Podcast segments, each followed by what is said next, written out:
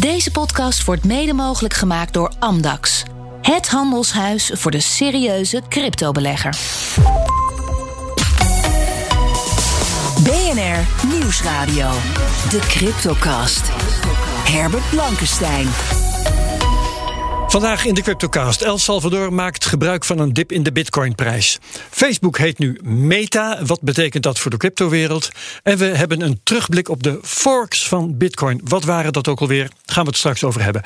Vandaag is aflevering 192 met een klein half uur crypto nieuws hier op de radio bij BNR. Daarna gaan we door met een gesprek als podcast over The New Fork. En dat heeft te maken met landbouw, met voedsel en met blockchain. Daar heb ik voor uh, als gasten Marike de Ruiter de Wild. Hartelijk welkom. Dankjewel. En ook Bart van Maarseveen, die hier al eerder was. Toen ging het volgens mij over Komodo. Of Komodo. Ja, Hoe zeg je het zelf ook weer? Het ging toen over, over Bartedex en Komodo. En ja. uh, ik ben volgens mij ook nog een keer geweest om over uh, banken te praten.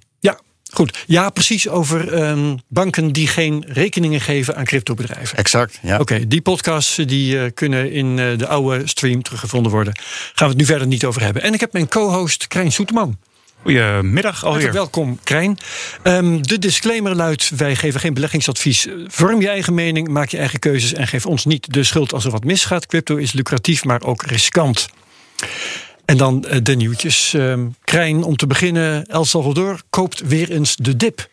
Ja, dat hebben ze zeker gedaan. Uh, tenminste, volgens een tweet van uh, onze president. Uh, hij tweette Najib dat Bukele. Oh ja, sorry. Hij, ja. hij tweette dat ze 420 nieuwe bitcoins hadden gekocht. En daarmee komt het totaal, als het goed is, rond de 1120 bitcoins in opslag. Van ja. digitale opslag. En dat is leuk, want met um, intussen vandaag is de prijs weer een beetje gestegen. 63.000 dollar ja. ruim per bitcoin. Nou, vermenigvuldig dat maar 1120. Dan kom je toch uh, aan een uh, kleine 70 miljoen. Even snel uit het hoofd uitgerekend. Dan zit je toch een aardig uh, eindje meer dan wat, waar ze mee begonnen ooit. Ja, ze gaan daar een dierenziekenhuis voor neerzetten, heb ik begrepen. Maar er was meer aan de hand, want die wallet, die Chivo wallet, die ze kunnen downloaden daar in El Salvador. Sommige mensen proberen dat. En enkele honderden, heb ik begrepen, die proberen dat en merken dat hun 30 dollar al verdwenen is. Ja, ze moeten namelijk uh, eigenlijk hun digitale identiteitsnummer, zeg maar hun uh, lokale burgerservice nummer, koppelen aan de, aan, aan de wallet om zeg maar die 30 dollar te kunnen krijgen. Maar bij veel mensen is dat dus al verdwenen. Dus dat betekent dus dat hun burgerservice nummer al gebruikt is. Terwijl je wel eigenlijk een videootje moet maken van je eigen gezicht. En nu had een van de mensen in een artikel op Coindesk geprobeerd dat met de burgerservice van zijn oma te doen. En hij kon probleemloos uh, een, een, een beeldenis van een poster van um, een bekende dame, waarvan ik even de naam niet zo snel kon vinden, uh, gebruiken als uh, ja, afbeelding van zijn oma. Dus daar ging het dan toch een beetje mis. Dus ik denk dat er nog wel even wat werk aan de winkel is bij de Chivo. Ja, ja, afdeling. Ja. Er is hier eerder in de CryptoCast gezegd, ik weet niet meer uit mijn hoofd door wie, dat die wallet, die staatswallet daar in El Salvador, dat het uh, redelijke baggersoftware is. Ja, ze hebben wel meer problemen. Bijvoorbeeld, uh, de, er is iets met arbitrage tussen, tussen, het, tussen de minuut dat zeg maar de, uh, de, de prijs wordt weergegeven uh, op je Chivo wallet. Dus dan kun je heel snel in binnen een minuut tijd of je bitcoins goedkoper of ja. verkopen. Ik ken het verhaal. Het, um, de je, als je van plan bent om te kopen of te verkopen, dan krijg je een prijs. En die wordt een minuut lang vastgehouden. Dat is ja. om rare verrassingen te voorkomen. Hè, dat je tijdens de transactie dat die prijs verandert. En dat de bitcoin leken daar in El Salvador daar raar van opkijken. Dus ze bevriezen die prijs. Tenminste, dat deden ze. Want er waren gelijkhandige jongens die dan, uh, terwijl die prijs bevroren was, snel even op een exchange gingen kijken of ze ook een voordeliger deal konden halen en daar gewoon geld aan verdienden. Maar ik ben wel benieuwd hoe ze wat ze dan achter de schermen gedaan hebben. Want je moet wel heel snel kunnen reageren op zo'n prijsverschil en daar ook echt wat mee kunnen verdienen. Met Lightning gaat dat krijgen. Ja, dat, dat klopt. Dat klopt. maar, je kunt, maar ja, je moet wel je, zeg maar, even snel naar die dollar gaan en, en weer terug. En het, ik, ik, vond het complex klinken, maar misschien valt het wel mee. Ja, nou zeker als je het honderd keer op een dag doet, dan uh, gaat het waarschijnlijk steeds sneller. Uh, Chris, uh, ik wou zeggen Chris, Bart van Maarseveen. Chris is jouw zoon, die is hier ook al eens geweest. Ja, klopt, hè. Bart van Maarseveen, volg jij de situatie in El Salvador, dit soort verhalen? Nou, dit, dit specifieke verhaal heb ik niet echt gevolgd. Maar ik vind het wel een heel erg interessant project eigenlijk. En ja, het geeft wel heel erg veel goede hoop ook. voor, ja. de, ja, voor de adoptie van Bitcoin. Marieke? Ja, wat ook wel interessant is, ik heb een uh, tijdje in Salvador gewoond. Um, is dat zo? Ja. Staat helemaal niet in mijn draaiboek. maar leuk. Ja. Heel leuk. En in die tijd ging El Salvador over van de lokale Salvadoreense munt op de dollar. En dat deden ze in een weekje. En wij in Europa gingen toen net over op de euro. En wij deden daar ietsje langer over. Dus ik vind wel echt die landen uh, hebben, hebben gewoon, zijn, zijn kleine landen hè, met toch wel een beetje sterke overheid. Die kunnen heel snel dit soort dingen doen. En ik vind het een heel goed voorbeeld voor de rest van Latijns-Amerika. Ja, ja, ja, alsof we er een beetje een start-up onder de landen zou je ja. kunnen zeggen. En wat ook grappig was, we waren in gesprek met de Wereldbank, hè, dus die geeft leningen aan landen. En uh, El Salvador had zijn lening aangevraagd in cryptocurrencies. En dat is voor zo'n bank, die beginnen daar een beetje over te, te ginnegappen en te lachen van het is toch een beetje raar dat je dat doet in een, als land in een cryptocurrency. Maar dat is dus juist denk ik de vooruitstrevendheid die je daar wel ziet. Ja, ja. interessant, spannend. Um, heel goed. Dan gaan we naar het uh, volgende item en dat is Facebook, uh, Krijn. Want Facebook heeft. Meta, uh, hè, tegenwoordig. Ja, ja, corrigeer me maar. het ik moet steeds aan Meta de Vries denken, maar dat... Uh, Wat zeg je? Ik moet steeds aan Meta de Vries denken, maar dat... ja, maar dat is voor oude lullen. Ja, maar um, ja, ze gaan hun naam veranderen, maar ze gaan ook wel andere dingen doen. Hè. Ze gaan in plaats van een sociaal netwerk, gaan ze een metaverse stichten. Ja, dat... Wat denk jij daarvan? Weet jij überhaupt wat dat is? Nou, we hebben het hier al eens over gehad. Uh, onlangs uh, hier bezig geweest ook over metaverses en dergelijke. Ja. En ik, ja, ik, vind het, ik denk dat het heel interessant is als opvolger, niet opvolger, sorry, als verdere evolutie van het internet. Mm -hmm. Maar goed, als bedrijf wil je daar natuurlijk in zitten.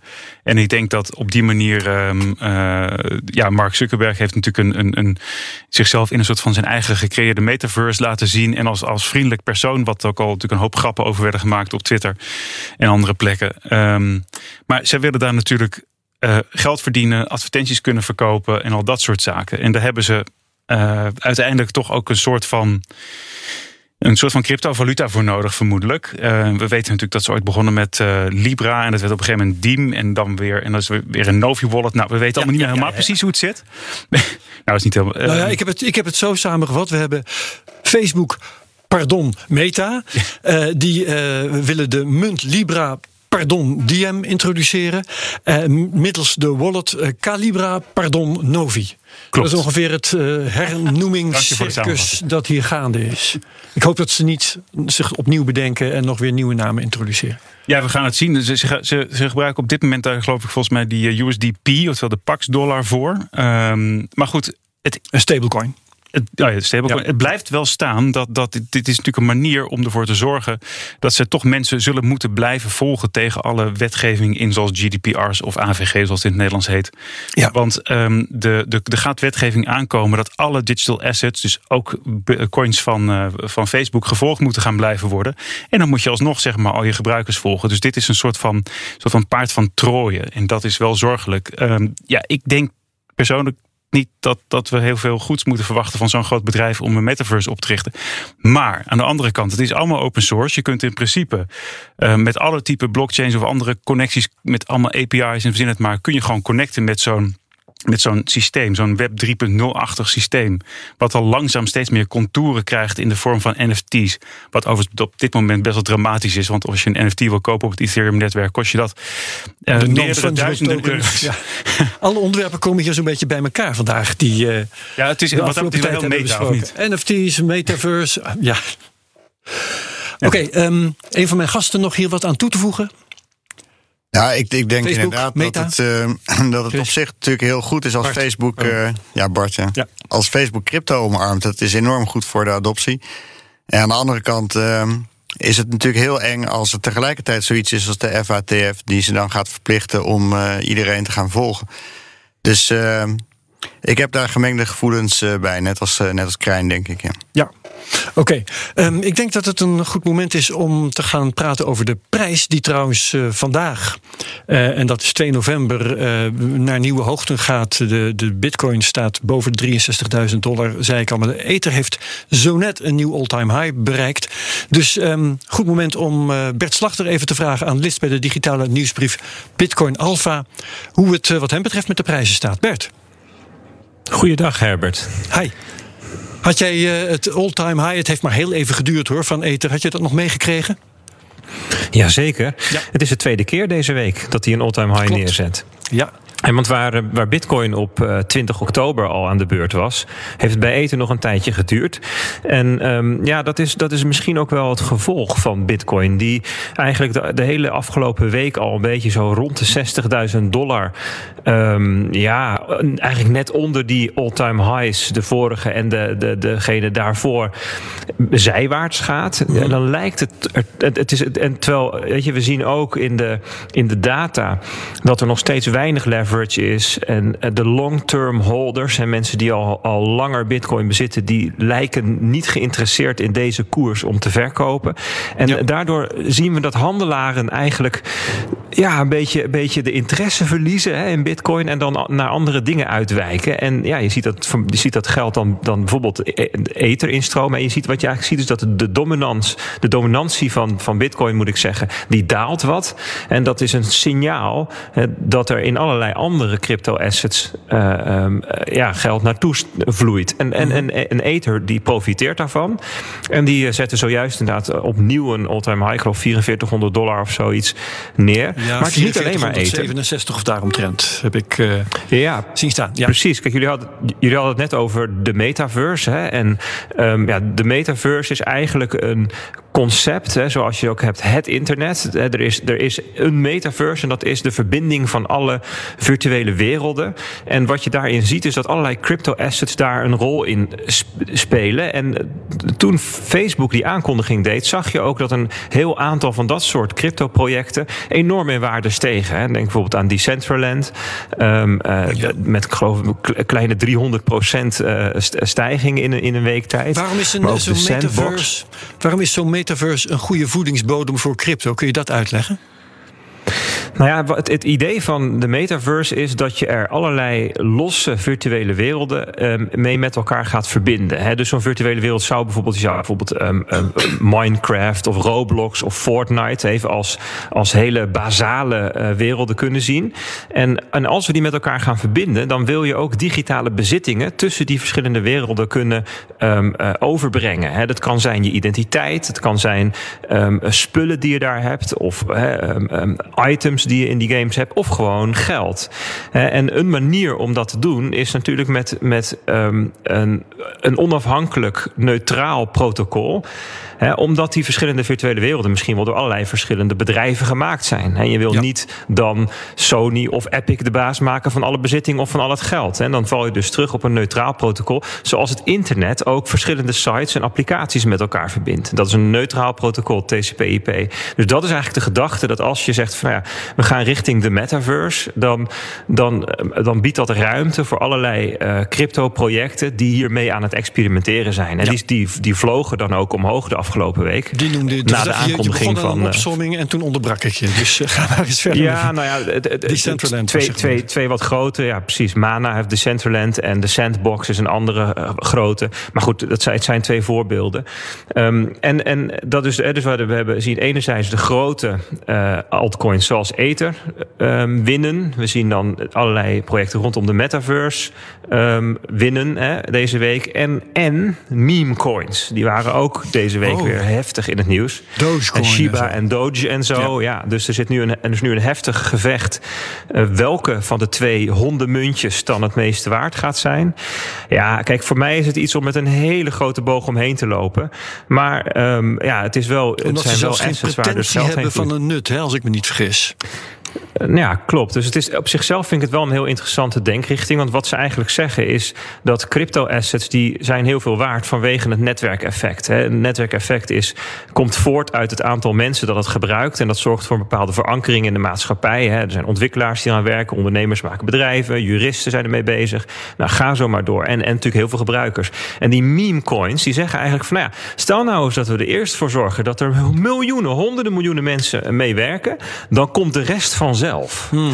en een van, die, een van die dingen die dan geroepen werd is... let's meme this coin into existence. Dus laten we met een meme zorgen dat, er, dat, dat, dat iets tot stand komt. En dan, kijk, dat is natuurlijk op zich niet zo gek gedacht. Als tientallen miljoenen je muntje hebben, mensen... dan, dan, dan is het natuurlijk interessant voor bedrijven om daar iets mee te gaan doen.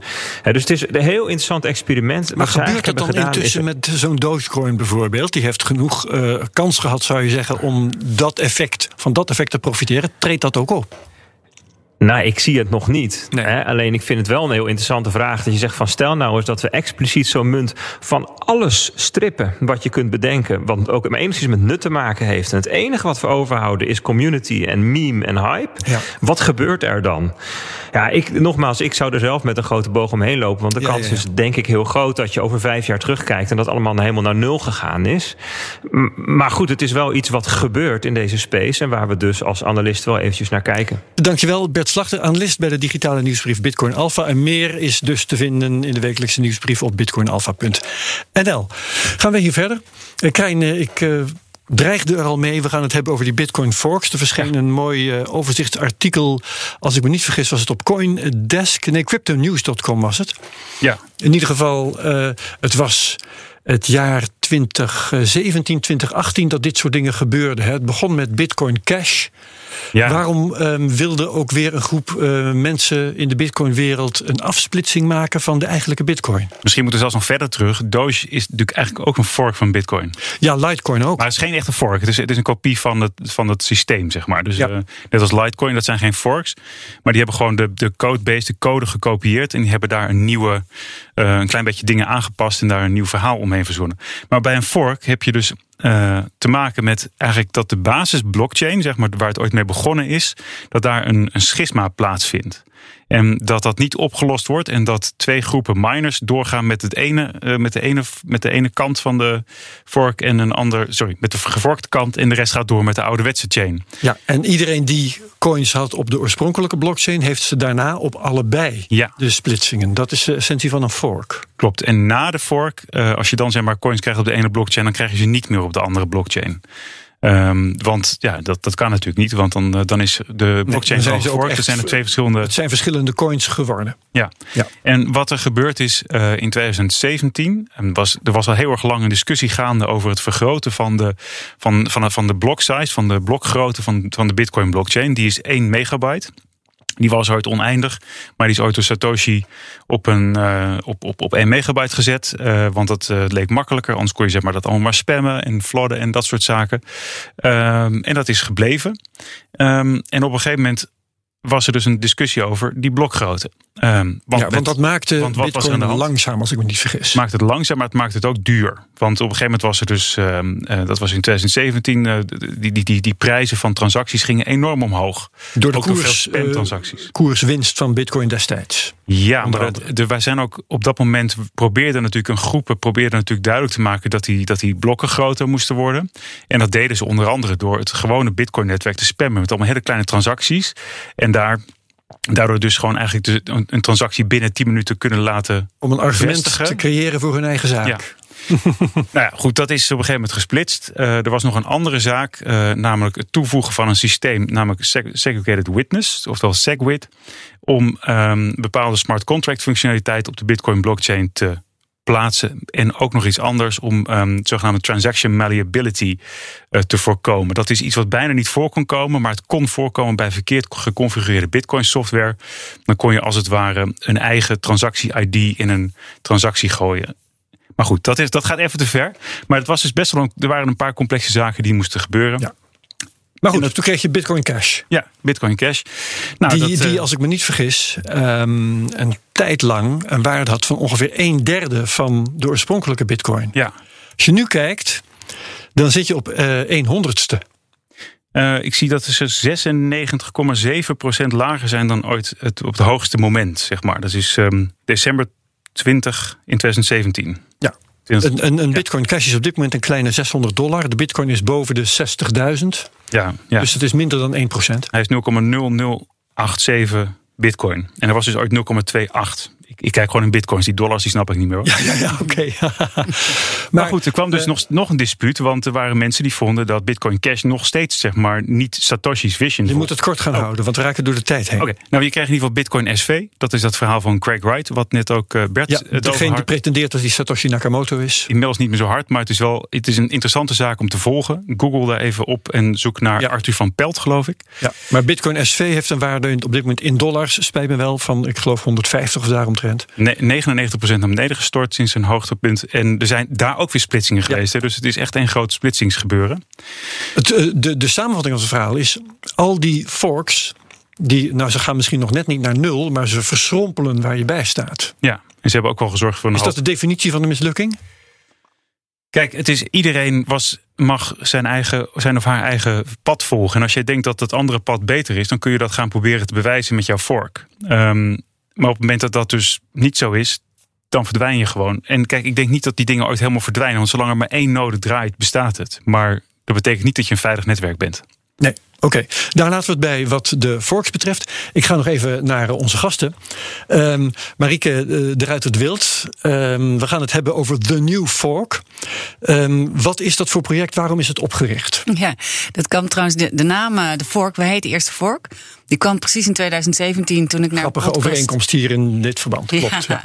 Ik was naar een podcast aan het luisteren van, uh, of een YouTube van uh, Antonopoulos. En het ging over hard forks. En toen dacht ik, ah, dit is het. Dus toen was de, de vork begonnen. Ehm, en wij uh, richten ons enkel en alleen op agri-food. Dus we passen blockchain toe op agri-food supply chains. Oké, dat is uh, landbouwproducten dus uh, voor, de, voor de voedselindustrie. Ja. Wat kan een blockchain daaraan bijdragen? Dat jij weet wat je eet en dat de keten beter, efficiënter georganiseerd is. Oké. Okay. Um, ehm, komen we straks in het podcastgedeelte uitgebreid op terug. Bart van Maarseveen, voor het eerst vandaag dat ik je naam goed heb. Ja, goed. Wat, wat is jouw betrokkenheid hierbij? Um, nou, ik ben eigenlijk uh, ten tijde van die, dat die naam ge, ge bedacht werd, uh, was ik al in contact met Marieke over uh, ja, hoe we hier in Amsterdam ehm, de blockchain community eigenlijk een beetje konden mobiliseren. En ehm, dus ik was daar meetups ook voor aan het organiseren. En Marieke die ging een food meetup organiseren die maandelijks was. En die uh, eigenlijk aansloot op onze meetup. En zo zijn we eigenlijk uh, steeds uh, dichter bij elkaar gegroeid. Ja, en jij doet programmeerwerk, technisch werk voor de New Fork. Ja, ik zit in het, in het blockchain team en heb ja, erg bijgedragen aan hoe we dit blockchain concept neer gingen zetten en uit gingen voeren. Ja. Daar gaan we het dus straks uitgebreid over hebben. Voor de mensen die meegaan naar het podcastgedeelte. Tot hiertoe de Cryptocast op BNR. Bedankt dus Marieke de Ruiter de Wild. Eh, bedankt Bart van Maarseveen. Bedankt ook Krijn Soeterman als mijn co-host. Wie meegaat tot zo direct. Wie afhaakt bedankt. En heel graag tot de volgende week bij de Cryptocast op BNR.